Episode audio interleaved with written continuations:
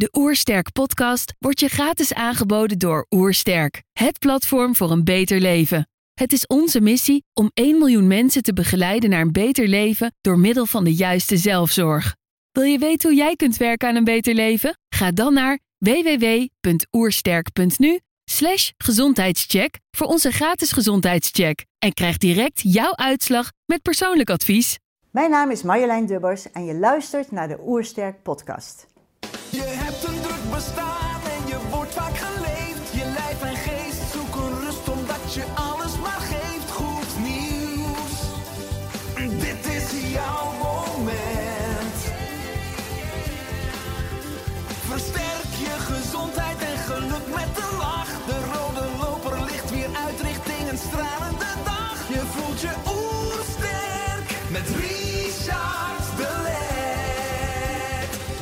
zijn hier in Heemskerk voor een podcast met Marjolein Dubbers. Marjolein is oprichter van de Energieke Vrouwen Academie en auteur van meerdere boeken. Haar nieuwste boek is Voeding en Immuunsysteem. Ik ben benieuwd naar haar tips voor een beter leven. Trouwens, geniet je van onze podcast? Abonneer je dan en laat een reactie of review achter. Zo help je ons om het gezondheidsvirus te verspreiden. Let's start. De Oersterk Podcast. Een ontdekkingstocht naar een beter leven. Marjolein, welkom. Dankjewel. Leuk om hier te zijn. Ja, hartstikke Ah, leuk. ja. Eh, ik lees op je website eh, jouw missie van Nederland het land met de meest vitale vrouwen ter wereld maken. Kun je dit toelichten? Ja, ja, ja. Ja, ik, ik denk dat het ehm, mijn doelgroep vanaf het allereerste begin dat ik met eh, de Energieke Vrouwenacademie begon, dat waren natuurlijk vrouwen. Hè. Ik, ben, ik heb veel in het begin over hormonen geschreven. Ehm, ik heb zelf een vrouwenlichaam, dus ik dacht ik beperk me tot die groep vrouwen. Vaak ook vrouwen boven de 40, hè, die al in de overgang kwamen. Vaak al een beetje begonnen van, oeh, wat gebeurt er allemaal in dat lichaam? En ik ben ervan overtuigd, ook door mijn eigen ervaring, dat we zoveel meer kunnen dan dat we denken. Dat ons lichaam zoveel eh, kracht en intelligentie in zich heeft, dat als we er maar goed voor zorgen, ja, dat, het, dat het ons tot een hoge leeftijd vitaal en gezond kan houden. En toen dacht ik, nou, dat lijkt me nou een hele mooie missie van Nederland en België. Want ik heb natuurlijk ook veel eh Nederlandstalige vrouwen uit België. Om, eh, om die groep de vitaalste groep vrouwen van de wereld te maken. Dus dat is. eh, ik heb nog even wat te doen. Mooi, ja, ik hoor Ja. een aantal krachtige sleutelwoorden. Ja. Op je 52e kwam je in een flinke burn-out. En je start een speurtocht om jouw energie en gezondheid terug te krijgen. En wat heb je op die weg geleerd en wat heeft je het meest verwonderd? Want die verwondering hoor ik continu terug. Hè? Ja, ja, nog steeds. Ehm, wat ik eigenlijk in die periode geleerd heb, ehm, was dat ik met voeding een enorme impact op mijn gezondheid had. Ik heb in een burn-out, ik had natuurlijk heel weinig energie. En ik was op dat moment echt heel bang van, oh, als ik mijn baan kwijtraak, wat dan? Dus, en het enige wat ik kon bedenken was, als ik nou mijn energie terugkrijg, en ook energie mentaal, hè, want ik kon ook helemaal niet meer goed scherp nadenken, ehm, dan, ehm, dan, dan kan ik van daaruit weer verder. Dus of ik kan misschien solliciteren of ik krijg andere ideeën. En toen ben ik in dat verhaal van nou ja, de vrouw in de overgang, wat gebeurt er in een burn-out, dan kom je bij de hormonen uit. Ehm, en toen kwam ik erachter van, ja maar wacht even, die kunnen we beïnvloeden met voeding. En toen heb ik eigenlijk vrij radicaal mijn voedingspatroon omgegooid. Ehm, ik heb toen een blender gekocht, ik heb een sapcentrifuge gekocht. Ik ben veel meer groenten gaan eten, ik ben veel meer vetten gaan eten, gezonde vetten. Ehm, veel meer plantaardig, eh, biologisch ook zoveel mogelijk. En, ehm, en dan heb ik het over 2012. Ik bedoel, iedereen weet nu wat een blender was, maar ik reed toen speciaal naar Amsterdam om een blender te kopen. Want die, die kon je niet zomaar op de hoek van de straat eh, bij iedere blokker krijgen. En waar ik verbaasd over stond, was binnen twee maanden dat ik, ja, dat, dat ik het gevoel had dat ik al een heel ander lijf had. En wat me ook heel erg verbaasde was dat ik veel helderder in mijn hoofd werd. En dat ik op een gegeven moment ook dacht van, eigenlijk heb ik gewoon jarenlang met wat in mijn hoofd rondgelopen. Als je dan opeens een veel scherper, ehm, goede inzichten krijgt, ehm, eh, beter kan concentreren, eh, veel meer focus. Ja, dan denk je van jeetje, waar is dat al die jaren gebleven? Of waar was dat? En toen heb ik echt de kracht van voeding ontdekt. Toen dacht ik van waarom weten we dit niet? Waarom weten we niet dat als je je voedingspatroon kan veranderen, dat je je binnen twee, drie, vier maanden een heel ander mens eh, gaat voelen? Want de, wat ik ook heel bijzonder vond was doordat ik me veel beter ben gaan voeden, kreeg ik ook veel meer zin om weer naar buiten te gaan, om te gaan bewegen, hè, om te gaan hardlopen, om eh, dingen te gaan ondernemen. En, en ik zeg ook nu heel vaak, een uitgeput lichaam, dat wil helemaal niet bewegen. Hè. Iedereen weet dat bewegen goed is, maar ja, als je eigenlijk, als dat lichaam ondervoed is, want zo zie ik dat nu achteraf. Ik was gewoon ondervoed. Dat lichaam was ondervoed. Niet in calorieën, maar in voedingsstoffen. En dan heeft het helemaal geen zin om te gaan bewegen. Dus voor mij is voeding echt, echt een heel cruciaal punt om aan te gaan draaien op het moment dat je meer gezondheid en vitaliteit uh, wil. Nou ja, en de rest is history. Ik, ik, ik, ik, wilde dat gaan delen met andere vrouwen. En nou ja, nog een aantal maanden later heb ik mijn baan opgezegd en ben ik met de Energieke Vrouwenacademie begonnen. Mooi, ja, mooi om te horen dat je voeding gebruikte als deur. Uh, ja. Dat het ervoor gezorgd heeft, uh, heeft, dat je een radicale toename heeft ervaren van vitaliteit. Zelf een niveau waarvan je niet wist dat je zoveel energie nog kon hebben. Hè? Ja, absoluut. Uh, ja. Nou, op je website heb je meer dan 300.000 bezoekers per maand. -hmm. waar zijn de meeste vrouwen naar op zoek bij jou? Um, maar wat ik lees als aanvulling dan, ja. je schrijft op je website, hè, ik wil niets liever dan dat jij de energie ontdekt om een leven te creëren waar je verliefd op wordt, hè? net als ik. Ja, ja. Um, ja, wat ik heel graag wil is dat vrouwen gaan ontdekken dat er vaak veel meer energie in ons zit dan eigenlijk dat de wereld om ons heen ons laat zien. En ik heb dat zelf ervaren. Ik was 52 toen ik in die burn-out kwam, toen ik mijn voedingspatroon ben gaan veranderen. Ik ben nu 62 ik voel me zoveel gezonder en vitaler dan tien jaar geleden. En dat heeft alles met mijn voeding te maken, maar ook alles wat eruit voortkomt. Dus hè, dat heldere hoofd, wat ik zeg, van veel energie en helder hoofd. Ik ben een eigen bedrijf begonnen, wat ik nooit, als je me dat 15 jaar geleden had gezegd, had ik gezegd, oh nee, dat durf ik helemaal niet, dat vind ik veel te spannend. Ik heb inmiddels vier boeken geschreven. Als je me dat 15 jaar geleden gezegd had, had ik ook gezegd, nee joh, dat kan ik helemaal niet. Um, ik heb ja, ja, een heel bedrijf opgezet. Ik, ik, werk vanuit huis, maar ik heb een heel team om me heen. Hè, allemaal met mensen die online werken. Ik heb uh, mijn passie ontdekt. Dat is inderdaad hè, het, het, het, um, ja, het, duiken in waar komt die vitaliteit en gezondheid vandaan. En ik, vind het, ik ben erachter gekomen dat ik het heel leuk vind om te puzzelen. Dus ik lees ontzettend veel. Ik lees heel graag. Ik lees ook heel makkelijk Engels. Dus dat is een heel groot voordeel, want dan wordt je boekenkast natuurlijk veel groter. Um, ja, en dat heeft mij een leven gegeven waar ik verliefd op geworden ben. En dat, dat gun ik zoveel andere vrouwen. En wat ik, wat ik vooral belangrijk vind, is dat ik natuurlijk in een leeftijdscategorie zit.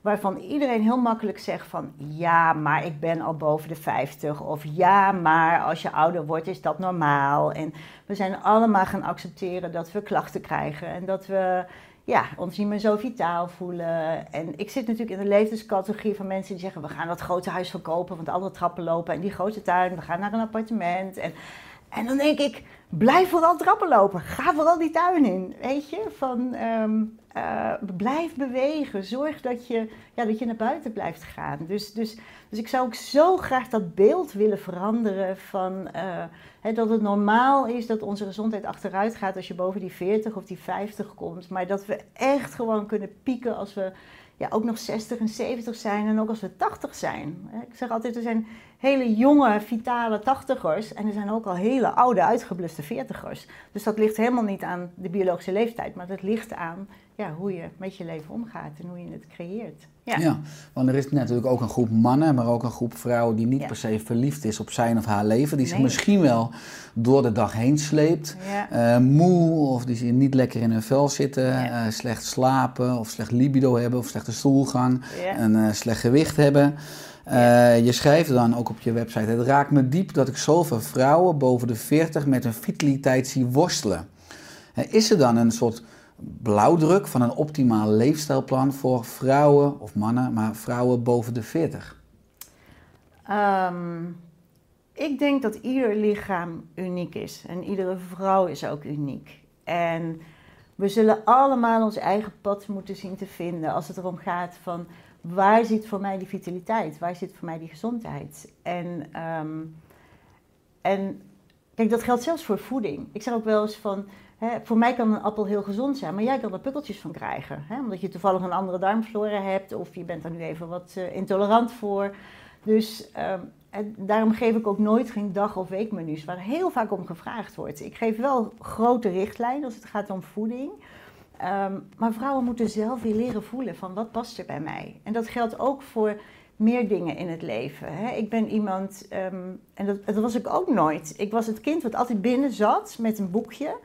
En ik weet nog wel dat we een keer op de camping stonden als kind en dat het, het had een week lang geregend en eindelijk was het eh, droog weer. En mijn moeder zei van kom op jongens, allemaal naar buiten.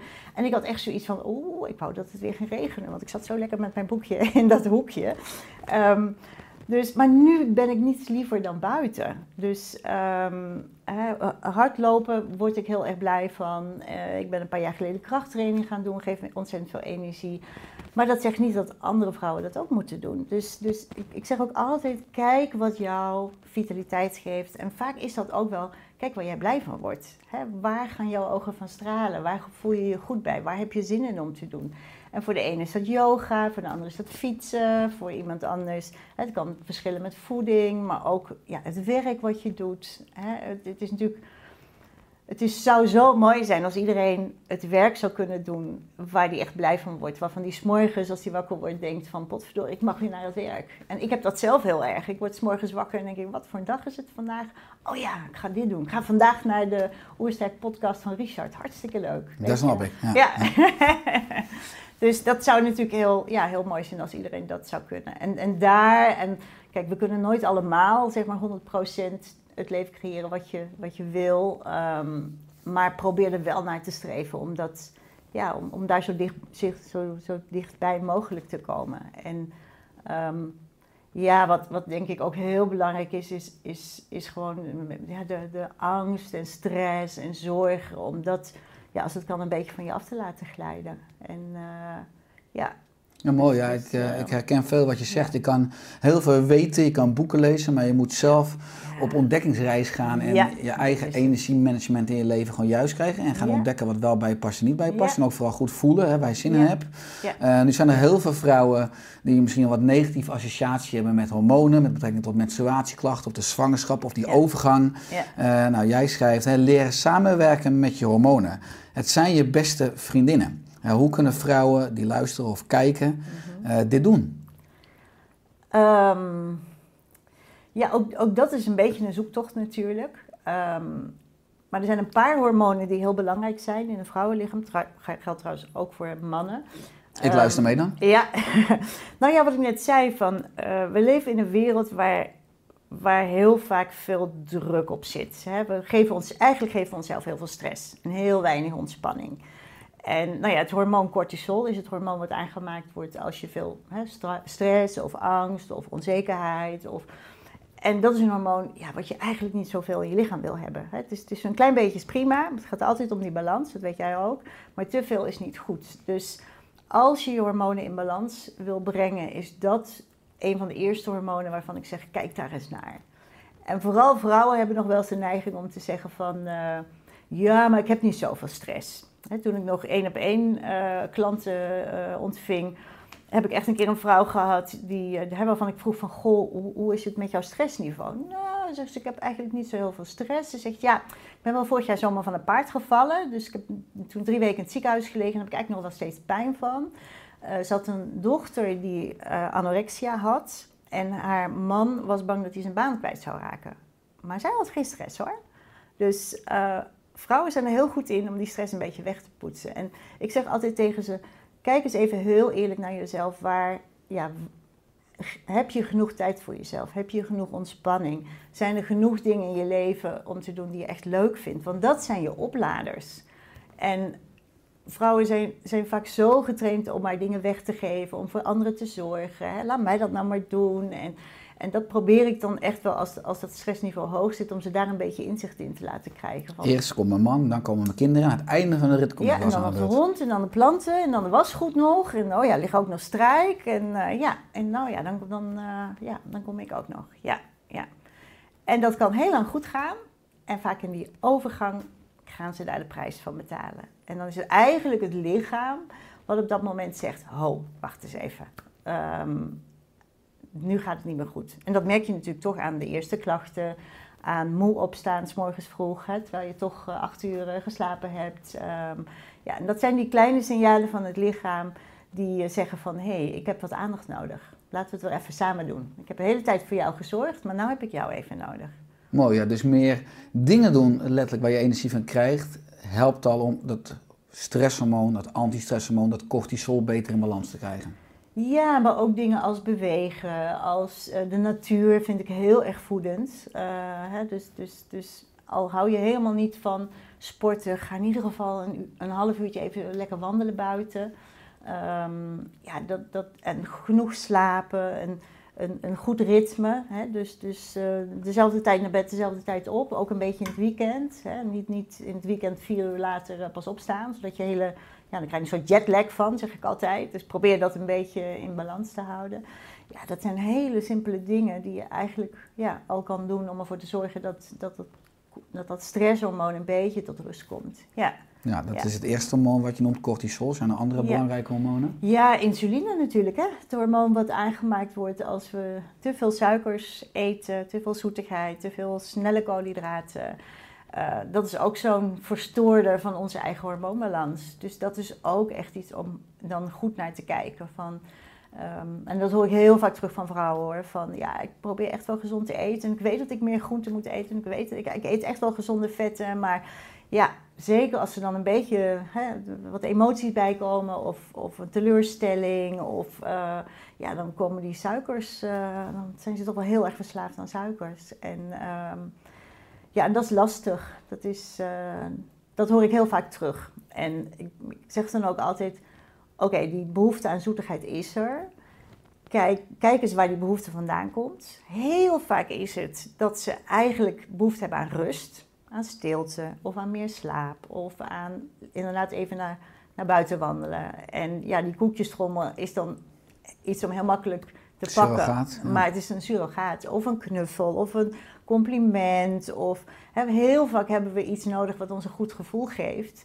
En die koekjestrommel die geeft wel even een goed gevoel, maar ja, dat duurt nooit zo heel erg lang. Meestal na een kwartier hou je er al een heel nagevoel aan over. Dus eh, ja, dus dat, en, en wat je ook kan doen is wel wat zoetigheid eten als je daar behoefte aan hebt, maar dan een gezonde zoetigheid. Dus eh, ja, eh, alles wat uit de natuur komt is per definitie al gezonder dan alles wat uit de koektrommel komt. Dus eh, ja, we eten eens een lekkere dadel of ehm, ja, een paar lekkere zoete mandarijntjes met wat noten. Of hè, maak gewoon le- lekker een eigen vruchtencake of een notenbrood. En zorg dat je dat wat in de diepvries hebt liggen. Ik heb zelf altijd iets van zelfgemaakte chocola in de diepvries.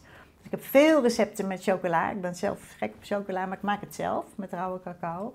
Dus ehm, ja, dat is een beetje mijn fallback scenario. Want natuurlijk heb ik ook wel eens behoefte aan iets lekkers en Ja. iets zoets. En, eh, ja, Ja, ja. dan heb je het natuurlijk over pure chocola, niet over melk chocola rijk aan suiker, hè, met betrekking Ja. tot de insuline.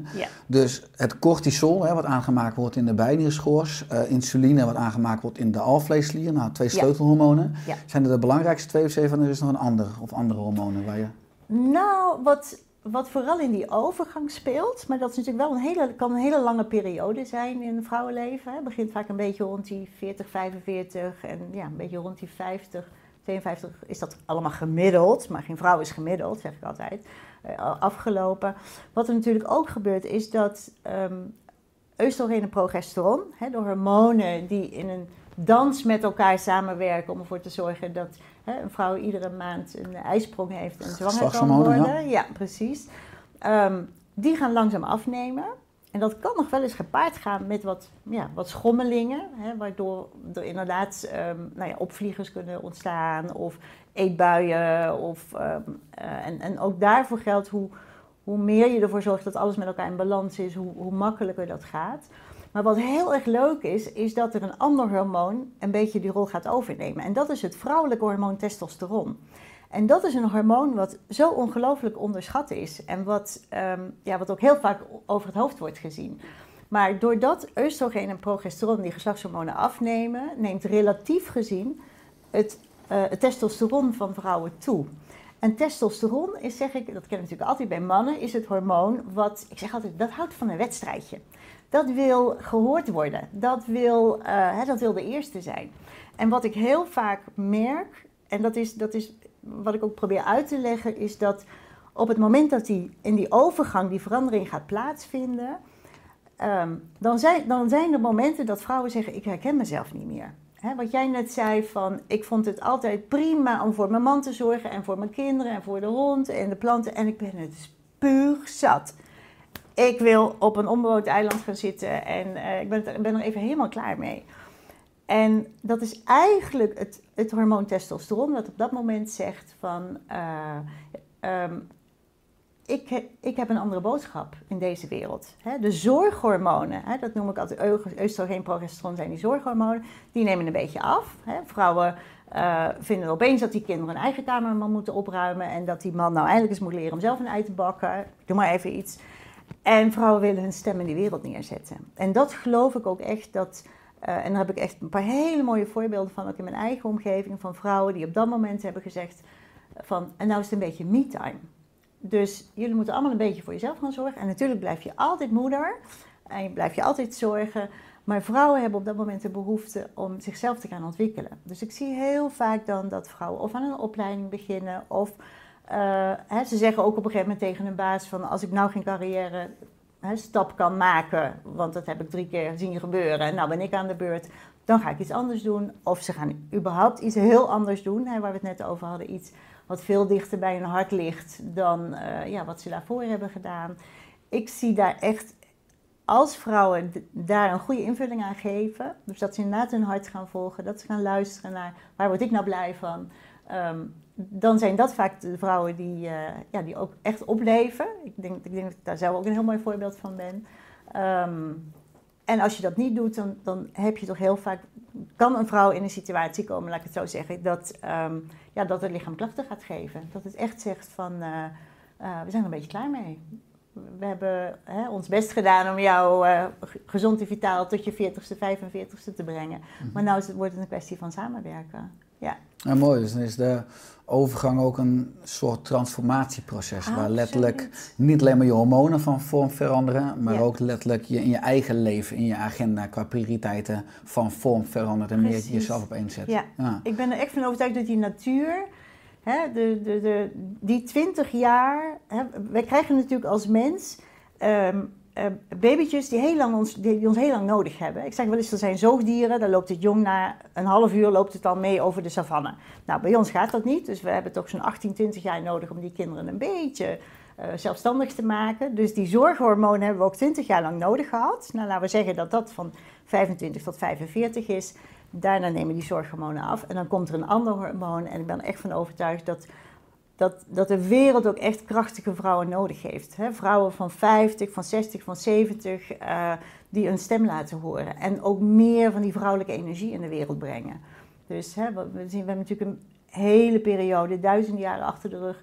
Hè, waarin er toch heel vaak heel veel mannelijke energie in de wereld heeft Dat gezeten. mannen gedomineerd, ja. Absoluut. En ik, We ik hebben een betere balans dat, nodig. Precies, we hebben een betere balans nodig. Kijk naar de planeet. Nou, ik weet dat jou dat ook eh, ehm, Aan het hart gaat, ja. ja, aan het hart gaat.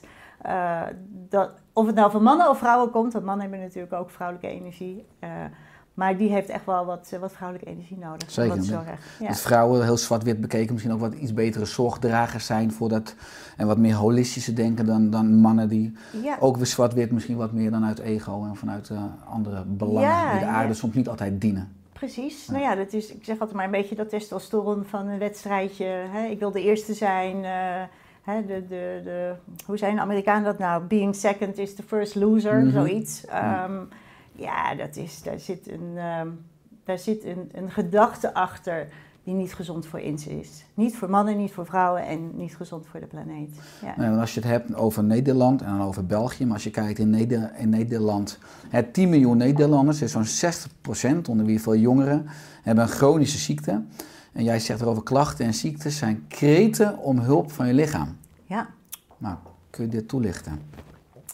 Ehm, ja, ik, ik, ik, ehm, ik heb wel eens gedacht van als je kijkt naar de hele omgeving waarin we leven. Hè, dus ook die, de, de stress en de spanning waar, waar veel mensen ook in zitten. Hè, eigenlijk het hele overlevingssysteem van hoe, hoe verdien ik genoeg geld voor mijn kinderen en mijn huis. En eh, dan sta ik er soms zelfs verbaasd over dat, dat er toch nog 40% mensen zijn die dan nog heel gezond zijn. En ik heb ook wel eens gezegd van het zou zo mooi zijn als we s'morgens als eerst, als we opstaan, dat we een sms'je krijgen van ons, eh, ons lichaam die zegt van eh, nou goedemorgen Richard, ehm, eh, ik zou vandaag graag wat, je bent gisteren weinig buiten geweest, ik zou graag vandaag wat extra vitamine D3 willen hebben. Ehm, je ogen kunnen wel wat carotene gebruiken, dus eet vandaag een extra worteltje. En eh, je zou ook wat meer zink kunnen gebruiken, dus eet vanavond dus wat schaaldieren. Ik noem maar even iets. Hè. PS, wat zie je er weer goed uit vandaag. PS. Ja. ik wens je een hartstikke fijne dag toe. Ja, Ja. ja.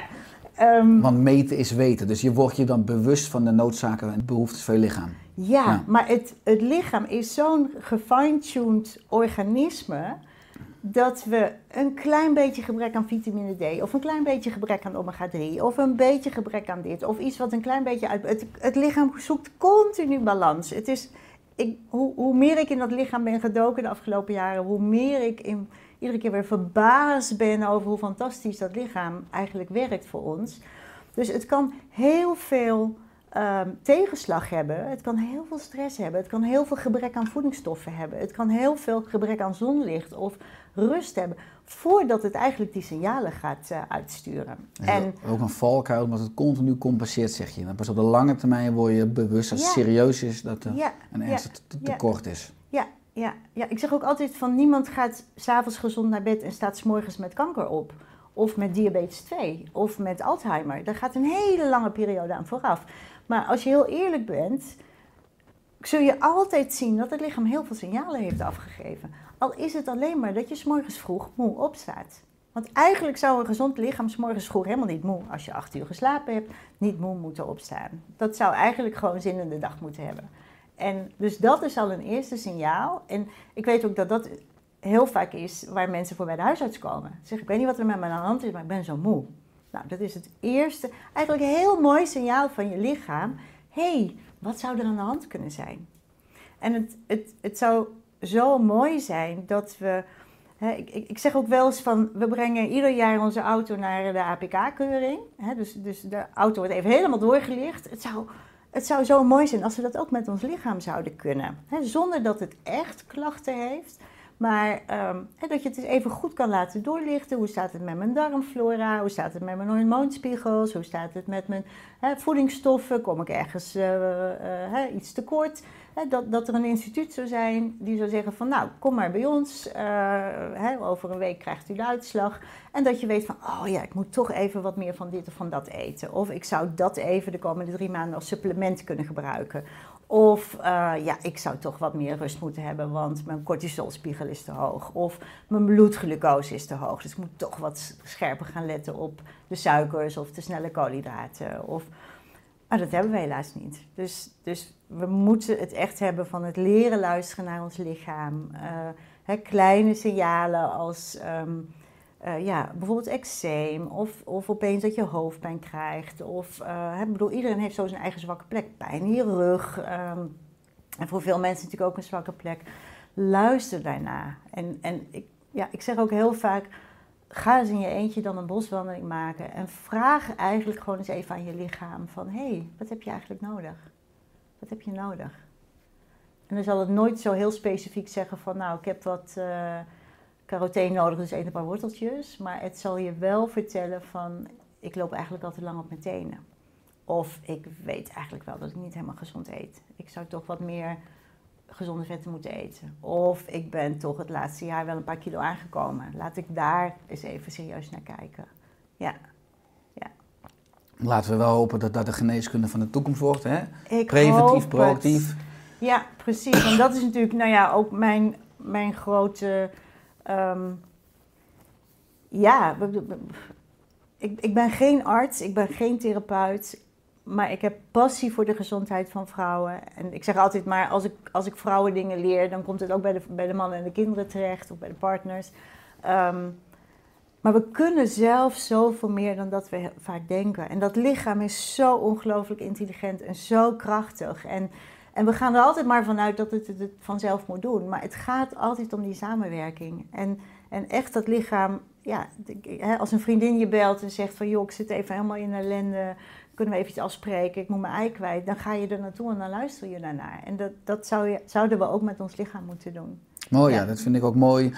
Dat enthousiasme waar je over spreekt, dat het Ja. terugkomt in al je diensten. Nou, wat je aangeeft, je hebt vier boeken inmiddels. Ja. Eh, je nieuwste boek is, eh, staat hier ook Voeding en. Immuunsysteem. Ja. Ontdek de energie om een leven te creëren waar je verliefd op wordt. Ja. Fantastisch boek. Eh, ik heb het al mogen lezen. Je schrijft daarin, ons immuunsysteem lijkt onzichtbaar. Het is geen orgaan dat we kunnen aanwijzen in, in ons lichaam. Niemand komt bij de huisarts en zegt, ik heb zo'n last van mijn immuunsysteem. Hè, welke informatie over het immuunsysteem, die we nu nergens leren, zouden mensen zeker moeten hebben? Want nu, zeker ook in de coronacrisistijd, is het Ja. immuunsysteem natuurlijk belangrijker dan ooit. Super belangrijk, super belangrijk. Ja, ja, dat is ook de reden waarom ik dit boek geschreven heb. Want ik was, eh, begin vorig jaar had ik het boek wat hiervoor, st- hè, Voeding en Hormonen, het boek wat ik hiervoor geschreven heb, af. En ja, ik schrijf gewoon graag. Dat, dat, dat is mijn tweede hobby. natuur. Mijn Ja. tweede natuur. Ik doe dat, dat is iets wat ik heel fijn vind om te doen en wat ik heel leuk vind om te doen. En, en toen kwam corona. En, en natuurlijk denk je dan gelijk, oké, virus. eh, oké, ons immuunsysteem zou dat in principe gewoon goed moeten kunnen afhandelen. Ehm, maar toen had ik zelf ook van, jeetje, maar hoe werkt dat eigenlijk? En, ehm, en toen kwam ik erachter dat dat immuunsysteem, hè, wat ons, zeg maar, het, doet heel veel in ons lichaam, maar het beschermt ons ook inderdaad tegen ziektekiemen van buitenaf. Dus bacteriën of virussen of schimmels. Of, eh, en ehm, nou ja, de eerste linie, zeg maar, is, dat is onze huid. Hè? Maar die huid is eigenlijk wel heel goed. Als dat niet beschadigd is, dan komt er eigenlijk niks doorheen. Eh, de tweede linie, of eigenlijk een, een zone waar het immuunsysteem heel alert moet zijn dat er geen ziektekiemen naar binnen komen, dat zijn onze longen. Onze huid, als je die uitlegt, is 2 vierkante meter groot. Onze longen is 100 vierkante meter groot. Maar er is nog een orgaan wat nog veel groter is. En daar is het immuunsysteem echt heel erg actief. En dat is in je darmen. Vooral je dunne darm. Want voeding wordt eigenlijk alleen maar in ons lichaam. Iedereen denkt, ja, ik, ik, ik eet iets en dan zit het in mijn lichaam. Maar ik zeg altijd, als jij een plastic dopje eet in plaats van een dropje, dan poep je hem uit. Want het lichaam kan het niet opnemen. Maar een dropje wel. En dat komt omdat er allerlei enzymen en dingen bij komen. En dan wordt het uiteindelijk in je dunne darm opgenomen. En die dunne darm is 200 vierkante meter groot. En dat is de plek waar je immuunsysteem op zijn alleralertst is. Want daar kunnen ziektekiemen onder andere naar binnen komen. En toen dacht ik, ja, maar hoe houden we ons, onze darmen gezond? Dat is vooral weer met voeding. Ja, En, want ehm, dat zie, je, dat ja. zie ik terug in je boek. Hè. Je schrijft over de darmbacteriën. Nou, je zegt goede darmbacteriën zijn essentieel. Je hebt het ook over een lekkende darm. Hè. Dat is je immuunsysteem op weg naar een burn-out, lees ik. ja. Eh, kom je onder andere met advies van eh, een botterbion van kippen, wat, wat een fantastisch medicijn is. Ja. Eh, maar hoe kunnen we dus onze darmen en vooral onze darmbacteriën gezond houden of krijgen? Ehm, Wat ik prettig vind trouwens aan je boek, je hebt allemaal korte voedingsrichtlijnen. Bijvoorbeeld, je hebt ook zeven korte voedingsrichtlijnen dan op pagina 20. Maar je geeft hele praktische rijtjes ook. Dat is voor de lezer enorm prettig en dat geeft Ja. houvast. ja, ik ben ook heel erg van doen. Ehm, kijk, ik hou er heel erg van om heel veel informatie op te zuigen. Maar, eh, en dat heb ik zelf ook wel, als ik zo'n boek zou lezen. Oké, Marjolein, ik vind het leuk om drie bladzijden te lezen, maar wat moet ik nou doen? Iedereen is druk, we zijn allemaal druk. Mijn vrouw is helemaal druk. Ehm, dus ik hou heel erg van praktische adviezen. En ehm, nou ja, er staat ook inderdaad een rijtje. Ik weet niet precies welk rijtje op bladzijde 20 staat. Maar Ja? het rijtje van eh, wat zorgt ervoor dat bijvoorbeeld je. ehm, eh, eh, wat is de oorzaak van een lekkende darm? Die staan er ook in. Wat zijn de oorzaak van ontsteking in je lichaam? Vind ik ook een hele belangrijke. Stille ontsteking, hè, wat je ja, vaak vooral aangeeft. die Ja? chronische, stille, verborgen ontstekingen. Ja, en wat kan je daaraan doen? En heel vaak kom je dan toch weer uit bij ehm, een deel met voeding, natuurlijk.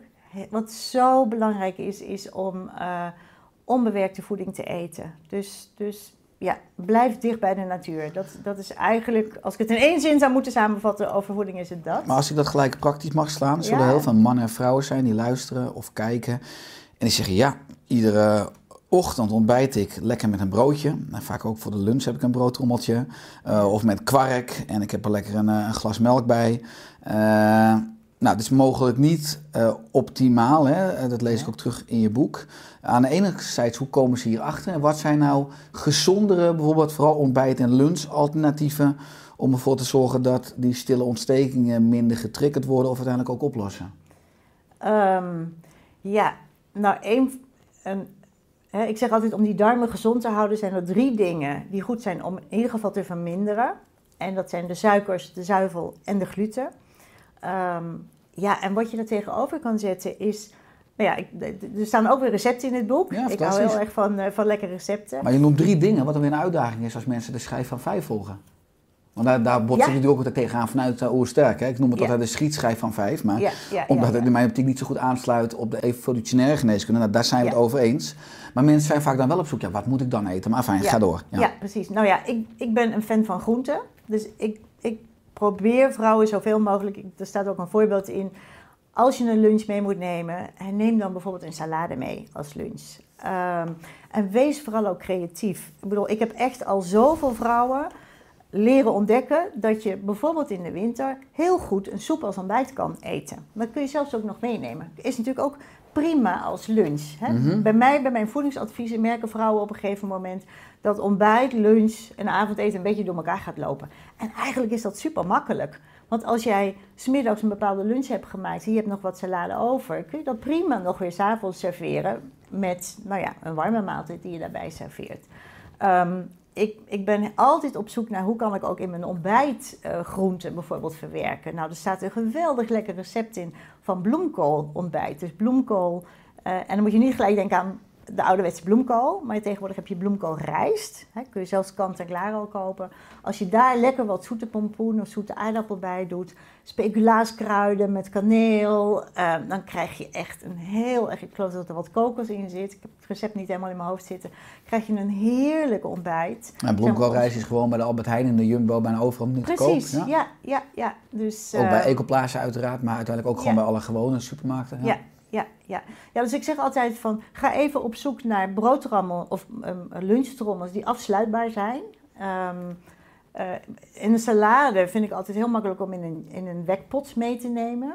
En de truc van een wekpot is dat je de dressing onderin doet. En ik zeg altijd, een salade moet heel rijk zijn. Daar moeten die gezonde vetten bij. Want de vitamines en mineralen die in een salade zitten, in eh, rauwe groenten of wat fruit wat je daarbij doet, of noten, whatever, wordt veel beter opgenomen als je daar wat vetten bij doet. Dus ik ben absoluut een.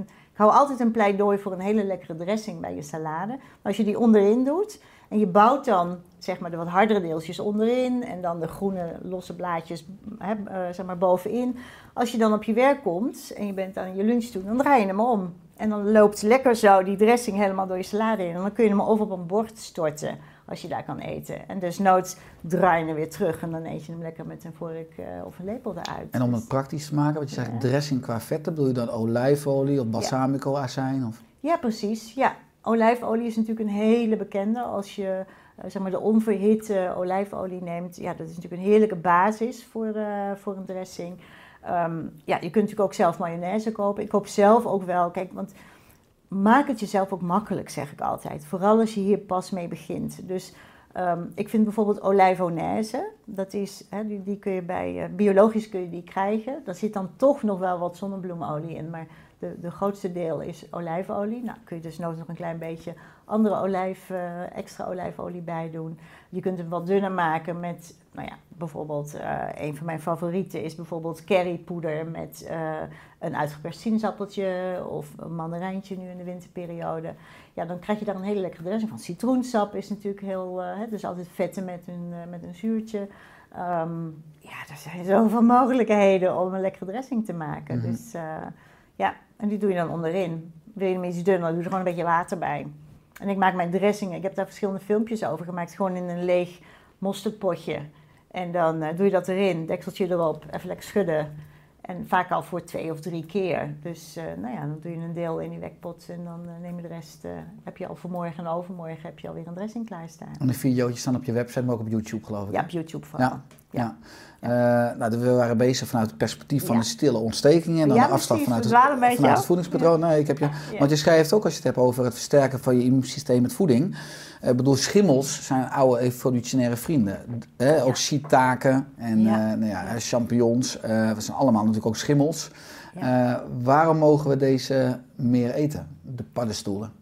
Ja, ehm, nou ik kwam er dus achter toen ik met dat boek bezig was van hoe ongelooflijk voedzaam die paddenstoelen zijn. En ik wist, dat wist ik zelf ook niet, maar er zitten bijvoorbeeld heel veel gezonde eiwitten in. Er zitten ehm, heel veel vezels in. En vooral shiitake is in Japan ontzettend veel onderzocht op allerlei zeg maar, stofjes die daarin zitten, die vooral ook ontstekingen remmen.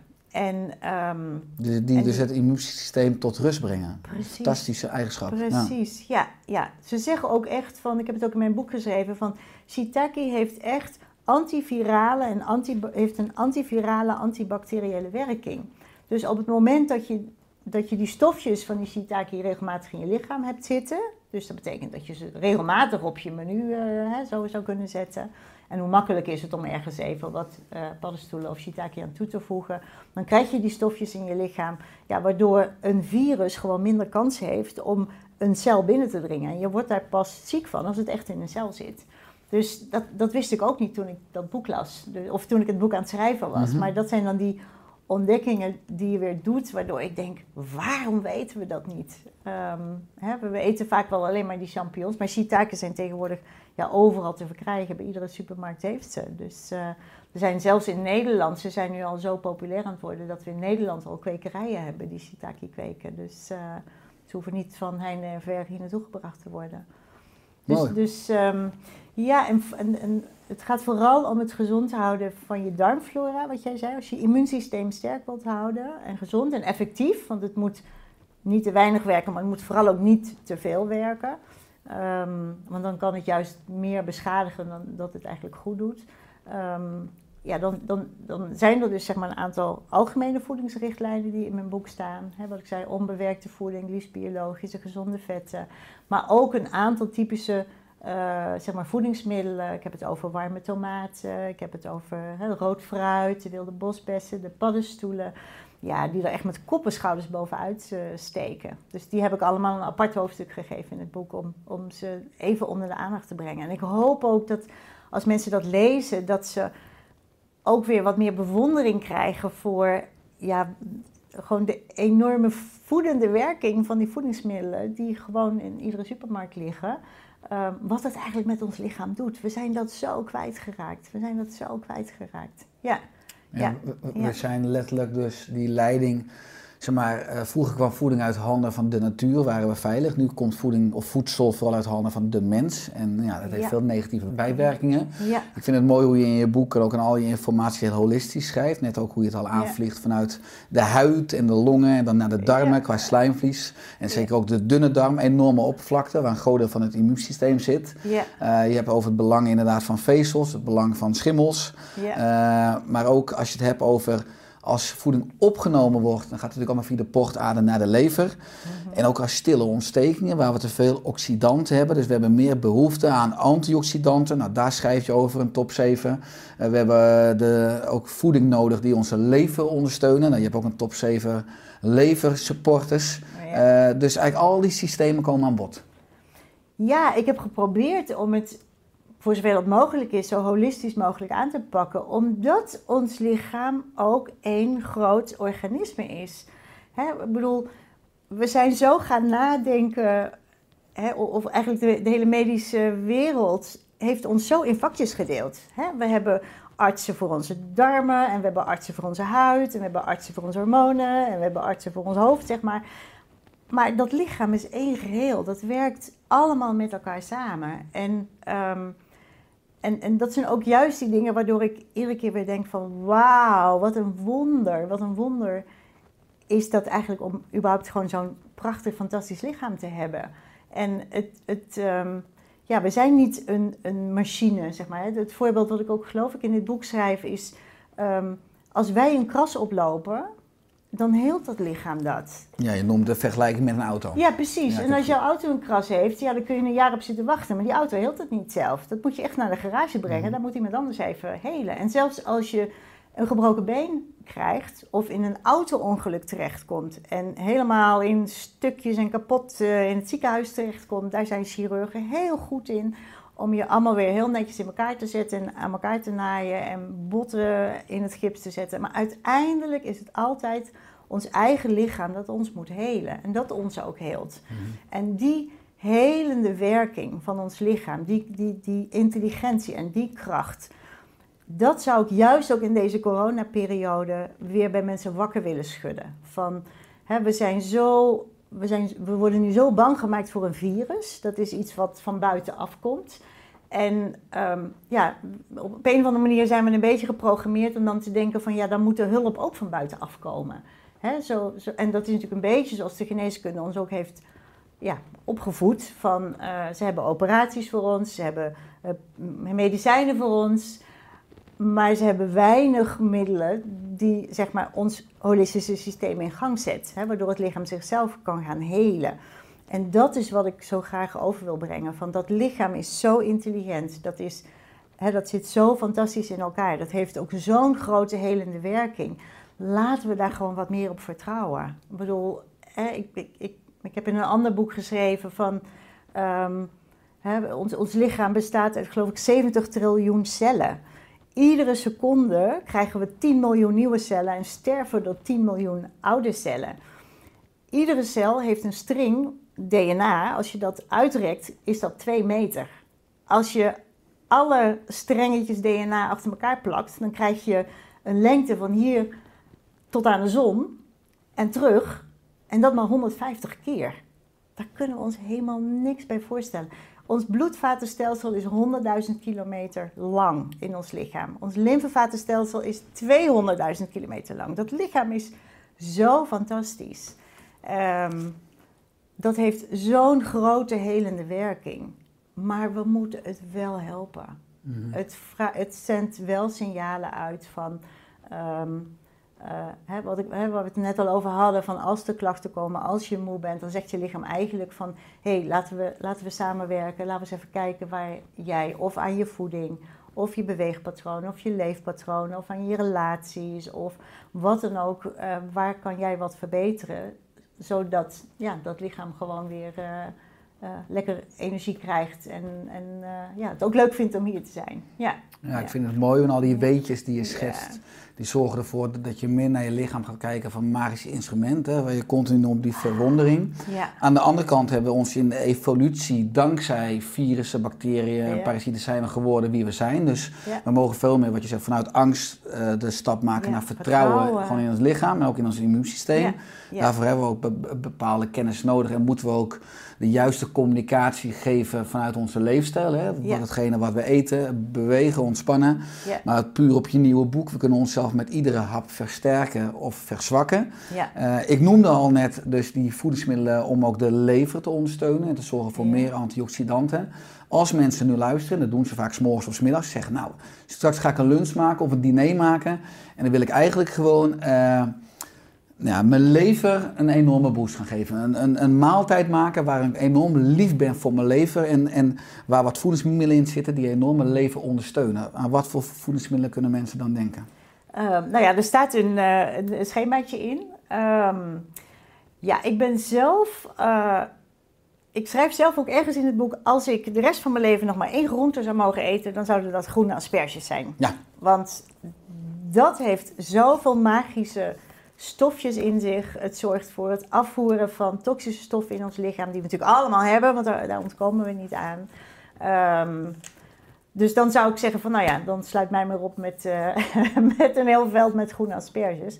Ehm, het stofje wat daarin met name zeg maar, naar voren komt is glutathion. Ja, wat ook heel goed is voor... eh, ik denk, als het gaat ook over leverondersteuners, zorg vooral ook voor groene groenten.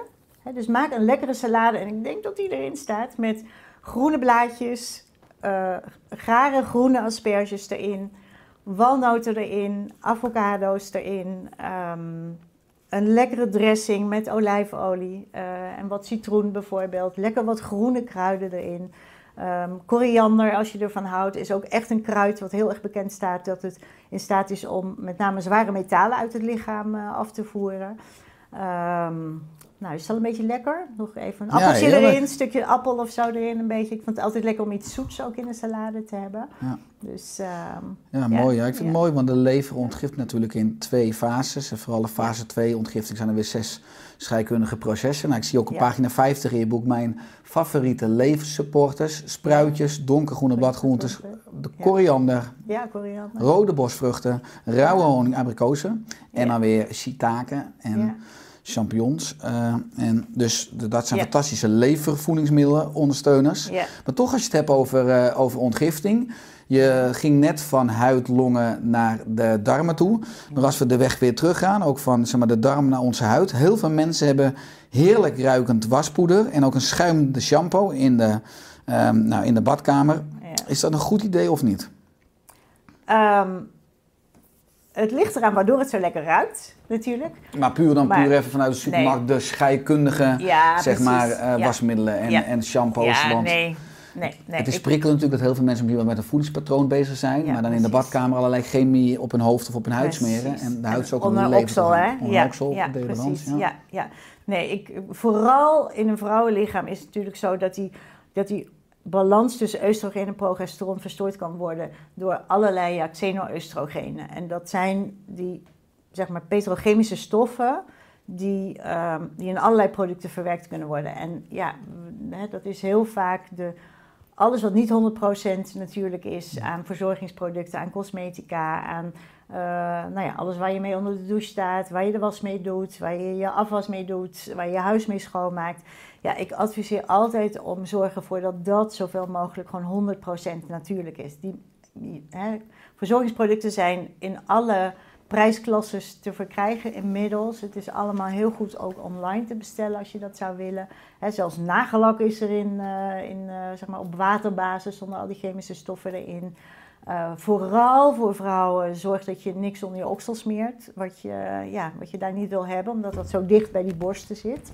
En xenoöstrogenen, als het lichaam ze niet goed kan afvoeren, dus als die lever niet helemaal optimaal werkt, dan slaat dat lichaam het op in de vetcellen. En, en de borsten hebben natuurlijk heel veel vetcellen. Dus dan is het natuurlijk heel makkelijk om, als je iets onder je oksel smeert wat het lichaam eigenlijk wil afvoeren, maar dat niet lukt, ja, dan wordt dat in het borst, borstweefsel opgenomen. Ja, dat wil je natuurlijk helemaal niet. Dus ehm, ja, dus alles wat lekker ruikt, eh, maar wat niet 100% natuurlijk is, ehm, ja, gewoon niet doen. Hartstikke, hartstikke Nee. logisch als je het zegt natuurlijk. Maar wat, wat dat betreft zijn we heel veel wijsheid verloren. Gelukkig Ja. breng je weer een stukje wijsheid terug. Ja, Je schrijft ook over eh, supplementen.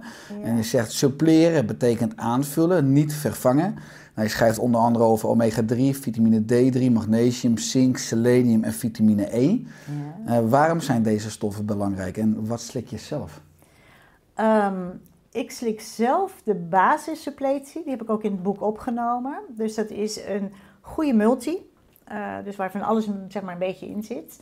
Eh, dat is een vitamine C, eh, omdat het ook een hele krachtige ontstekingsremmer is.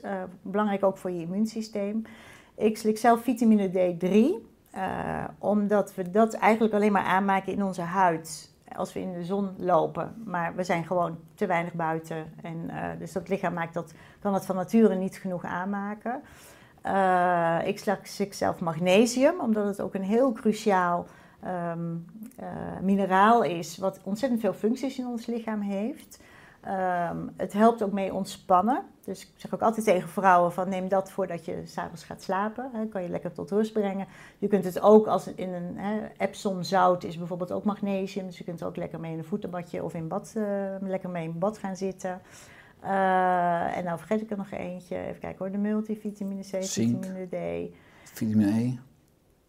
Ja, dat zijn de extra aanvullingen, Ja. zeg maar. Ja. Ja. ja, ja, Dus ja, ik slik eigenlijk op dit moment gewoon de basis. Ehm omega 3, die was ik nog vergeten. Ja, omega 3. Dus dat is wat eigenlijk in vis zit, vooral de, de kleine visjes. Maar ik eet niet veel vlees of vis. Dus omega 3, met name de, ik ben een fan van de algen eh, variant. Dus dat schrijf ik ook in het boek. eh algeolie van omega 3. Eh, en gewoon ook gewoon algen eten. Dus eh, Chlorella spirulina eet ik veel. Of eet ik, iedere dag eet ik dat wel. Ehm, en zeg maar als extra toevoeging ehm, gebruik ik zelf wel een vitamine B-complex. Want vitamine B, dat zijn echt de energiegevers, zeg maar. Ehm, en voor de rest eigenlijk niet zo heel veel. Ik heb wel nu in de winter dat ehm, een combinatie van vitamine C met zink. Dat is ook een bekende combinatie die ze nu doen. En ik gebruik een vitamine eh, D3 met K2. Dat is ook een supplement wat bij elkaar zit. En dat is vooral voor vrouwen ook goed, omdat vitamine D3 zorgt natuurlijk ook voor het sterker maken van de botten. Maar dat moet wel ook in die botten komen. En dat, daar zorgt K2 voor. Ja. Dus ik hoop dat iedereen nog kan volgen. Maar, Zeker, eh, ik heb je nog helemaal. ja. Maar is het een gemiste kans dat we nu zeg maar, vanuit eh, de overheid ook helemaal geen adviezen krijgen op het gebied van supplementen? Ja. ja, maar advies op het gebied van voeding en leefstijl, dat mis ik zo enorm in deze coronaperiode. En dat is ehm, ja, waarom ik, dat had ik niet gedacht, maar ik denk dat dit boek nu nog harder nodig is als, als toen ik er tien maanden geleden zeg maar, aan begon. Toen zag je dit nog niet aankomen, Dus zeg maar, zag dat ik het in deze periode gelanceerd zou worden. Wie wel, wie wel. Nee. Nou ja, wel dat het nu gelanceerd zou worden, maar niet waar we nu in zouden zitten. Ja, want je zegt net van de reguliere geneeskunde hebben heel veel subspecialisaties die vaak niet het zelfherstellend vermogen stimuleren. Dat doet meer de complementaire geneeskunde. Ja. En dan lees ik ook terug in je nieuwe boek: Voeding, leefstijl en liefde voor jezelf en anderen zijn de echte geneesmiddelen. Dat is eigenlijk een hele mooie, Ja. nou, krachtige samenvatting waar we ook vanuit de overheid eigenlijk veel meer advies over zouden moeten krijgen hoe we onszelf van binnenuit kunnen wapenen. Ja, ja, ja, en dat vind ik echt zo'n enorme gemiste kans. Dat, ehm, dat de overheid, ja, ik, ik heb, ik heb hè, Mark Rutte en Hugo de Jonge, ik, ik heb ze niets horen zeggen over eh, het aanpassen van voeding of leefstijl of ehm, eh, het meer naar buiten gaan of het bewegen of sportscholen zijn natuurlijk dicht. Eh, ja, ik vind alle adviezen eigenlijk gaan, wat ik nu weet over het immuunsysteem, verzwakken allemaal ons immuunsysteem. Alles, de mondkapjes, social distancing, dat we niet mogen knuffelen. eh, en een heel klein kringetje mensen hebben die we dichtbij mogen laten komen. Ehm, ja, het is, ja dat, daar maak ik me wel zorgen over. Dat, dat eigenlijk door al deze richtlijnen ons immuunsysteem nog eens extra verzwakt wordt. En vandaar dat ik denk ook dat dit boek zo nodig is. Dat, dat iedereen kan lezen van wat kan ik dan doen om het dan nog wel... Maar zeg je daaruit dat we misschien de verkeerde richtpunt hebben qua bijvoorbeeld besmettingen of IC-opnames, maar dat we ook eigenlijk niet sociaal, mentaal, emotioneel, eh, spiritueel, ook onder onze jongeren, Ja. naar de MKB, ondernemers. Er is zoveel leed in heel veel sectoren Ja, en ook heel veel leeftijdsgroepen, ja, eh, dat we dat eigenlijk veel te eenzijdig of dat er gewoon veel te weinig over is. Eigenlijk één grote blinde grijze vlek, dat holistische spel. ja, ja, ja, ja. Nee, het is...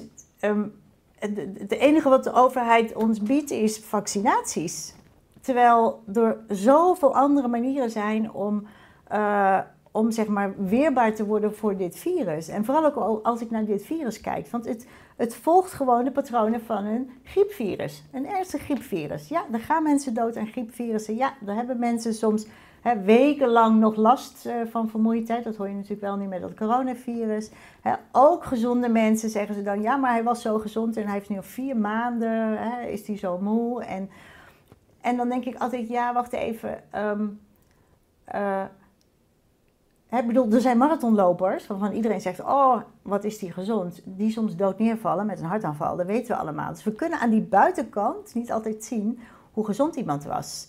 En dat is wel grappig, want ik hoor, ik weet niet of dat ehm, zo is, maar ik hoor dat eh, vooral mannen langer last kunnen blijven hebben als ze, een, hè, als ze er flink ziek van zijn geweest van het coronavirus. En ik weet toevallig van, omdat ik zoveel vrouwen begeleid, dat mannen, en misschien kun jij er ook iets over zeggen, dat mannen heel vaak geen supplementen willen nemen. En twee belangrijke supplementen, ook bij corona, dat is die omega-3 en die D3 om ontstekingen tegen te gaan. En ik weet echt van vrouwen die zeggen, ik heb ze in druppeltjes gekocht, want dan kan ik het stiekem in zijn papje doen, of in zijn soepje, of in zijn, eh, op zijn aardappeltjes. Want eh, dan weet ik in ieder geval zeker dat hij het binnenkrijgt. En dan denk ik, we kunnen aan die buitenkant niet zien of zo iemand die zogenaamd gezond is, maar nu al drie maanden blijft sukkelen na corona, hoe dat met zijn D3 en zijn omega-3 spiegel is. Of bijvoorbeeld die andere belangrijke Dat supplementen. helemaal zou een ontzettend interessant onderzoek zijn om eens naar te kijken. Van hoe is dat eigenlijk? Ik denk dat we ook Ja. preventief, maar ook veel meer die langdurige syndromen, wat we zien nu met corona, kunnen Ja. voorkomen als mensen gewoon de juiste concentratie micronutriënten hebben, zodat het immuunsysteem en alle andere systemen ook kunnen doen waarvoor ze gemaakt zijn. Als ze tekorten, als ze niet de juiste stoffen hebben, dan kunnen ze ook niet goed voor jou werken. En Nee. Ja, dat is inderdaad een enorm gemiste kans dat we die informatie niet krijgen. Maar Ja. ja, daar zit een slecht verdienmodel achter, laten we dan zo maar zeggen. Eh, maar het is wel fascinerend als je kijkt naar toch die maatschappelijke onrust die er is nu, hè, begin 2021, ook dat deze podcast uitkomt. Eh, je schrijft veel blogs. Ik lees onder andere een blog van je. Door welke lens ga jij in 2021 naar het eh, leven kijken? Je schrijft daarin: het is tijd voor een helende reis. Voor een grote transformatie. De reis van het hoofd naar het hart. Ik denk ook voor veel mensen die luisteren en kijken dat het hè, nu deze crisis hun uitnodigt. Eh, Zit je zelf ook in dit proces? Ehm, ja, ik, ik denk dat ik die reis, dat die al veel eerder voor mij begonnen is. Ehm, maar ik merk wel bijvoorbeeld dat, ja, dat hele corona gebeuren, dat, ehm, ja, het heeft, het, het heeft mij ook wel dingen gebracht. In de zin van, eh, ik heb nog nooit zoveel gewandeld met vriendinnen. Eh, ja, je mag elkaar niet of je mag elkaar nog wel ontmoeten, maar laten we dan vooral naar buiten gaan. Laten we gaan wandelen, want we zitten allemaal wat, meer binnen als, eh, als normaal gesproken. Ik heb heel veel gelezen. Hè, toch ook boeken die ik anders, ja, spirituele boeken die ik anders misschien wat minder makkelijk gepakt zou hebben. Ehm, ja, en ik denk wat het, wat het voor mij ook wel gedaan heeft, en nogmaals, ook dat is de reden waarom ik afgelopen zomer eigenlijk dat boek geschreven heb van ik vind dat de overheid zo op het verkeerde pad zit als, als het gaat om ons gezond houden. En ik zie zoveel leed bij mensen. En ook zoveel vertrouwen in die overheid. En ik denk dat dat terecht is. Hè? Van, we zouden de overheid moeten mogen vertrouwen. Maar ik zie gewoon, we zitten nu in eh, nou, januari. ehm, Nou, Deze podcast wordt al 6 die- februari uit. Ja, precies. Ehm, dat al die richtlijnen, al die adviezen die ze ons geven en al die voorschriften die nu komen, dat die alleen maar ons immuunsysteem verzwakken. En dan, en dan heb ik zo te doen eigenlijk met ons als mensheid. ehm, van mensen die vertrouwen op die overheid, nauwelijks meer weten hoe ze, hoe ze een eigen immuunsysteem sterk kunnen maken. Ehm, want ik denk, niemand wil ziek zijn. Hè? En, en, want, want wat zijn de mensen die vooral door corona zeg maar, getroffen worden? Ja, dat, dat is het beeld ook van de griepvirussen. Het zijn de 80-plussers, de ouderen. Hè? Mensen die al nou ja, hart- en vaatziektes hebben. Of lijden, ja. diabetes, of onderlicht lijden, hè, obesitas. Dat zijn ook de mensen die al, dat weten we dan, die een verzwakt immuunsysteem hebben. Dus hoe makkelijk zou het zijn en hoe waardevol zou het zijn om, ook als een overheid zou zeggen van jongens, we gaan eens met elkaar het immuunsysteem aanpassen. En laten we daar eens naar kijken. En ja, dat, nou ja, dat is inderdaad, er zit geen verdienmodel achter, dus dat doen ze niet. Maar dan heb ik zo te doen met, en dat is misschien wel mijn reis van mijn hoofd naar mijn hart, dat ik, ehm, ik word er bijna emotioneel, dat ik zo geraakt kan worden, dat mensen zo slecht geïnformeerd worden Mhm. daarover. En dat we zomaar weer denken van ja, er moet dan iets van buiten komen. Terwijl dat lichaam zo fantastisch is en zoveel helende werking heeft. En ik heb ook gedacht, als, als het coronavirus nou bijvoorbeeld alleen maar jongeren zou treffen. Stel alleen maar kinderen tussen de 5 en de 15. Dan heeft dat niets met het immuunsysteem te maken. Dan is er iets anders aan de hand. Maar het is voor mij zo helder dat dit het immuunsysteem is. Wat, daarom, nou ja, de mensen met een verzwakt immuunsysteem zijn de mensen die op de IC liggen en daaraan kunnen overlijden. Dus het is zo waardevol om dat immuunsysteem te ondersteunen en ervoor te zorgen dat dat goed werkt. Mhm. En dat kunnen we allemaal. En dat, eh, ja, en nou, nou zijn er allemaal richtlijnen waar we allemaal, onge- ik, ik ben er echt van over, er gaan heel veel coronadoden vallen die gewoon nooit COVID-19 hebben gehad. Mhm. En dat is waar, waar ik heel verdrietig van word. Ja. Ja, maar ik ben Ja, en waar ik me ook dan sterk voor maak. Ja. En waarom ik morgens vroeg opsta. Waarom er zo'n boek komt. En waarom ik mijn artikelen schrijf. En waarom ik vrouwen begeleid in een voedingsprogramma. Het, Ja. het is, het is, ja, dat doe jij ook. Het is een wakker schut. eh, Het is harder nodig dan ooit. En ik ben het met je eens dat als we in maart 2020, verleden jaar, dus ook begonnen waren met het eh, versterken van onze weerbaarheid, het versterken van ons immuunsysteem Ja. van binnenuit, dat we nu in 2021 veel minder problemen hadden gehad en ook veel minder een tweede golf. En dat misschien die lockdown helemaal niet nodig waren geweest. Dat we die tientallen miljarden gewoon in het versterken van de maatschappelijke vitaliteit hadden gestoken. Ra- Ik vind het mooi om te zien dat het je ook zo raakt. Wat is nou je droom of je missie voor de komende jaren? de komende jaren. Of Ja, jaren, jaren, Of, ja. Ehm, maar je bent pas 62, hè? Ja, Dus daarom. Daarom zeg ik aan komende ik heb jaren. nog 30 vitale jaren te gaan. Dus ik. eh, minstens, ja. Ja, Ehm, ja ik vind het... ehm, ik plan nooit zo heel ver vooruit, eerlijk gezegd. Dus, Voor ehm, 2021 heb je daar een plan voor. Of een droom of een missie? ja, nou ja, mijn droom op dit moment, maar dat is natuurlijk omdat we midden in, in dit corona gebeuren zitten, is om meer mensen wakker te maken en te zeggen van we, we, ons lichaam is zoveel krachtiger dan dat, hè, dat we denken dat het is. En maak daar gebruik van. En ehm, laten we ook met elkaar veel kritischer kijken naar de, naar de, de richtlijnen van de overheid. En, en ik zeg ook tegen iedereen. eh, eh, doe je eigen onderzoek. Hè? Ik bedoel, luister niet alleen maar naar mij, luister niet alleen maar naar Richard, luister naar andere kanalen. Er, komen, hè, er zijn veel kanalen nu, niet in de krant, niet op de reguliere televisie, maar er zijn heel veel kanalen die waardevolle interviews, ehm, informatie bieden. Doe je eigen onderzoek en trek dan je eigen conclusie daaruit. En Ne- neem alles met maximale twijfel aan en vorm je eigen waarheid. Ja. Precies, precies, precies. En leef daar dan ook naar. Neem daar dan ook stappen naar. Want ehm, ja, van angst naar vertrouwen, inderdaad. En van het zoeken van veiligheid naar buitenaf. En dat is natuurlijk waar we allemaal... We zijn zo bang gemaakt dat we allemaal naar die veiligheid zoeken. Ja, zoek het in, ook in de weerbaarheid van, van onszelf. En, in jezelf, ehm, ja. Die precies, controle en die grip. Ja, Ja, ja, en niet alleen in je eigen lichaam, maar ook, ook mentaal. Ja. Zeker. Ja. Mooi Marjolein. Is er aan het einde van de podcast nog iets dat je wilt toevoegen? Ehm, ja, misschien juist ook in deze innoverende periode waar we zitten, ehm, eh, zou ik iedereen willen adviseren: voed vooral ook je ziel. Voed vooral je ziel. En daarmee bedoel ik: eh, zorg voor dingen in je leven ja, waar je blij van wordt, die jou een goed gevoel geven. Die, ehm, ik ben ervan overtuigd dat dat ook een helende werking in ons lichaam heeft. Alles wat we onszelf toewensen, of het nou gezondheid is, of, of fijnere relaties, of andere relaties, of een dikke bankrekening, of whatever, is omdat we denken dat ons dat een goed gevoel geeft. En dat goed gevoel is er altijd al vandaag. Dat kan er zijn als je een boswandeling maakt. Dat kan zijn als je een mooie vaas bloemen op tafel zet. Dat kan er zijn als je met een lekkere kop thee op de bank eh, zit en een lekker boek leest. Dat kan er zijn als je, hè, wat, wat ik tegenwoordig met een groepje vriendinnen doe, is dat we om vijf uur een borrel houden met elkaar op vrijdag. En dan zitten we gewoon allemaal achter ons schermpje met een glaasje wijn. En eh, ja, het is echt, eigenlijk heel gezellig. Grijp de kansen die er zijn om jezelf gelukkig te maken, goed gevoel te geven, waar je ogen van gaan stralen. En dan, eh, ja, dat is de liefde voor jezelf en de liefde voor je ander. Ik denk dat dat een hele grote bijdrage levert aan je gezondheid en dat kan niemand je afnemen. Mooi. Als mensen nou eh, meer willen lezen qua blogs of qua boeken of je online programma's, waar kunnen mensen meer over jou en jouw diensten vinden? www.energiekevrouwenacademie.nl Mooi. Ja. Dankjewel Marjolein voor de komst in de Oerstek podcast. Heel graag gedaan. Heel erg bedankt voor je uitnodiging. Met Ja. liefde. En ik heb er een goed gevoel over dat ik zo eh, afgelopen uur eh, naar je heb mogen luisteren. Maar Chile heeft zeker ook een paar keer een sprongetje gemaakt. Ik denk dat wij op heel veel punten op één lijn zitten. Dus het is fijn dat we ook bruggen mogen bouwen. En laten we zeker Ja. ook in 2021 eh, elkaar verder versterken in Nederland.